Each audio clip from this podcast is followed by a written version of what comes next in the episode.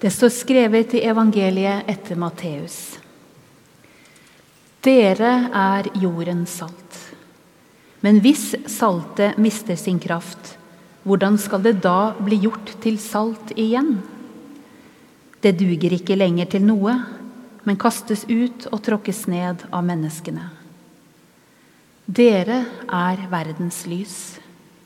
En by som ligger på et fjell, kan ikke skjules. Heller ikke tenner man en oljelampe og setter den under et kar. Nei, man setter den på en holder, så den lyser for alle i huset. Slik skal deres lys skinne for menneskene, så de kan se de gode gjerningene dere gjør, og prise deres Far i himmelen. Slik lyder det hellige evangelium. Gud være lovet. I dag tenner vi lys. Lys her i globene. Og mange av oss kommer til å tenne lys i stua i kveld. Og noen drar til graven og tenner lys på kirkegården senere i dag. Lyset blafrer og er levende, i kontrast til naturen som dør hen i denne tiden. I kontrast til det livet av vår kjære som er ebba ut. I dag tenner vi lys. Vi hører også at det blir sagt til oss dere er verdens lys. Jeg er ikke sikker på hvor mange av oss som kjenner oss som noen lys når novembermørket siger inn. Mange kjenner seg kanskje mer som en mørk skygge av seg sjøl i denne tida. Kanskje spesielt hvis en er i sorg. Da vil en helst ikke synes, vil helst lukke seg inne. På alle helgen minnes vi dem vi har mista. Og vi tenker på dem vi har kjær som ikke lenger er her, men som vi likevel bærer med oss. Vi bærer ulikt.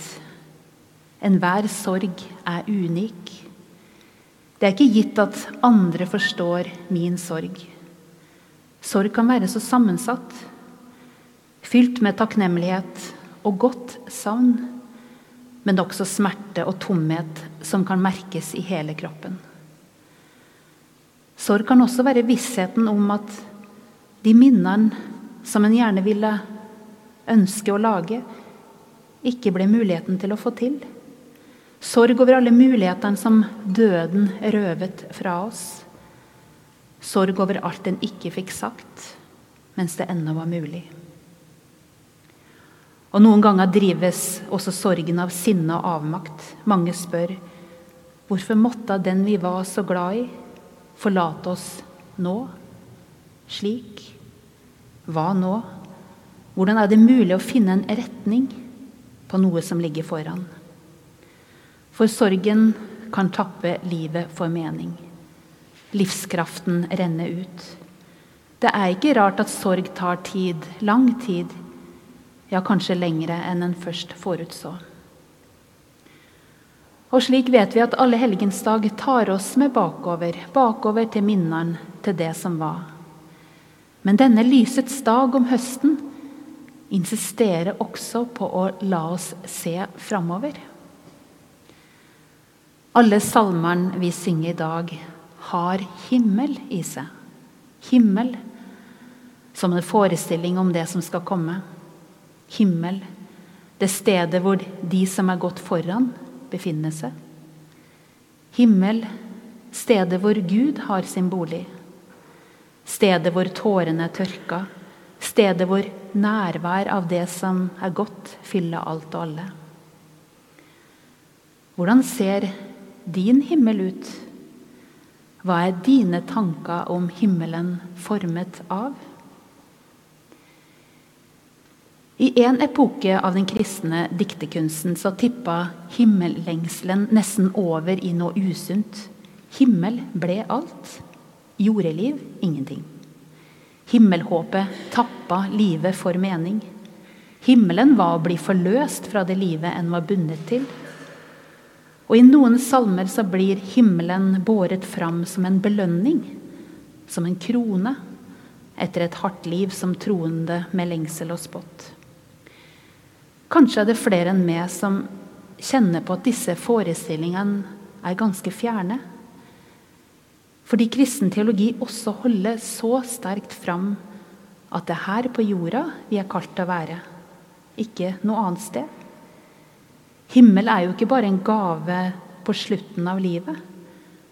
Vi kalles jo også til å se at hver dag her er en sjelden gave. Men så vet vi at der menneskene erfarer mye nød og undertrykkelse, blir himmelhåpet noe som holder motet oppe. Og det skal en ikke tulle med. Ved to tilfeller har jeg i det siste tenkt at jeg trenger håpet om himmelen. Himmelhåpet kommer sterkest til meg når jeg står ved graven. Barnas bestemor kommer til himmelen, sier vi. Hvor det ikke er sykdom mer, sier vi. Og hvor det mennesket vi kjente, er seg selv igjen. Får vi tro det? Gjensyn? Nærvær på nytt? At livet her er bare en liten del av alt det vi menneskene skal få erfare? Så trenger jeg også himmelen som et bilde på hvordan jorda egentlig var ment å være var ment å være for alle menneskene, ikke bare for noen få, fordi en ble født i denne delen av verden, hvor en kanskje kan synes at mange allerede vandrer på gater av gull. Himmelhåpet blir da et speil å se inn i. Altfor mange lever i helvete på jord. Det var ikke slik det var ment å være, dette livet. Himmelhåpet hjelper oss da til å se verden slik den er, får oss til å ville endre. Mer himmel på jord er slagordet til kirkene i Oslo. Og det er ikke ment som en invitasjon til å danne en utopisk stat i staten. Ikke ment som en fluktmulighet, men som en inspirasjon til å virkeliggjøre denne opprinnelige drømmen og ideen for jorda. Og det er i tråd med det Jesus sa. Himmelriket er nær, sa han, i all sin enkelhet. Og Det forunderlige med Jesus var at han snakka ikke om himmelen som en gang langt framme, som vi skulle komme til. Nei, han snakka om himmelen som noe som skulle komme til oss. Himmelsønnen Jesus viste hva det betydde. Fordi han kom til alle, favna alle, uavhengig av hva livet hadde gjort dem til. Ved å gi verdighet og rettferdighet tilbake til menneskene som ble negisjert pga. fattigdom eller sykdom. Og ved å gi tilhørighet til dem som var blitt satt på siden fordi de ikke var av riktig stand eller stamme. Himmelrikets krefter gjorde seg gjeldende midt i alt og gav nye muligheter til å se seg sjøl og tilværelsen. I vår tid, her hos oss, er det Jesus gjennom Kirken som skal videreføre himmelgjerningen. Gjennom deg og meg, med andre ord. Vi helt vanlige jordmenneskene. Og hvordan kan vi spørre oss? Det er lett å tenke at det er bare noen helt spesielle mennesker som kan klare det. Helgener og andre gode, varme mennesker, sånn som vi ser for oss moder Teresa, Frans av Assisi eller andre helgenkårede. Men det skjer gjennom oss, ved å være noe vi allerede er. Lys og salt i verden. Og Ordene vi leste om lys og salt, er henta fra bergprekenen, i den talen hvor Jesus særskilt henvender seg til de sørgende. Salig er dere som sørger, for de skal trøstes. Å være salt er vel ikke akkurat noe som gir umiddelbar mening. Og tekstens ord om at saltet mister sin kraft, det stemmer ikke helt med kunnskap fra kjemien. For natriumklorid, altså salt, er et bestandig stoff og opphører ikke bare uten videre. Men på Bibelens tid var saltet ofte iblanda annet materiale. I, verste fall utblanda til det ikke var mer kraft tilbake.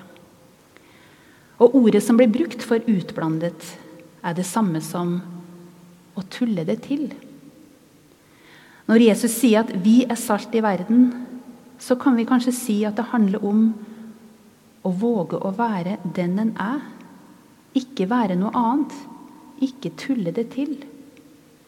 Det er gjennom å være det mennesket du er, at du kan være noe for verden. Det er da du duger. Du er verdens salt, bærer av kraft selv om en kan kjenne seg tom og mørklagt i seg sjøl. For kraften i nestekjærlighet og barmhjertighet skal en ikke tulle med. Den bare er. Den kan merkes, og den virker gjennom oss.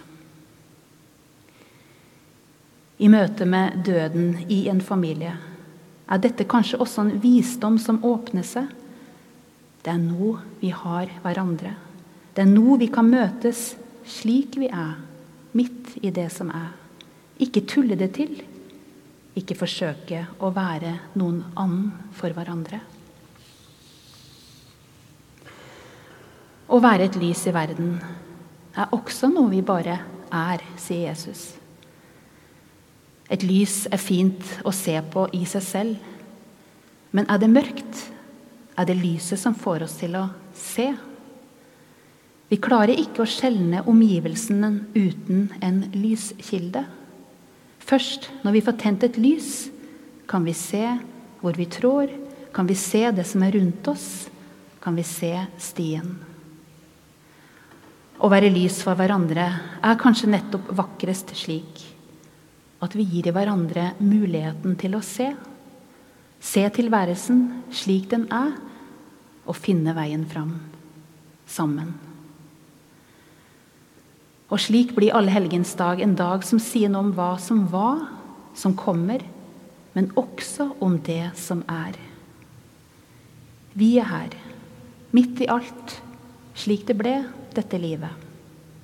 Med den sorgen som vi bærer på, og som det ikke er gitt at andre kan forstå.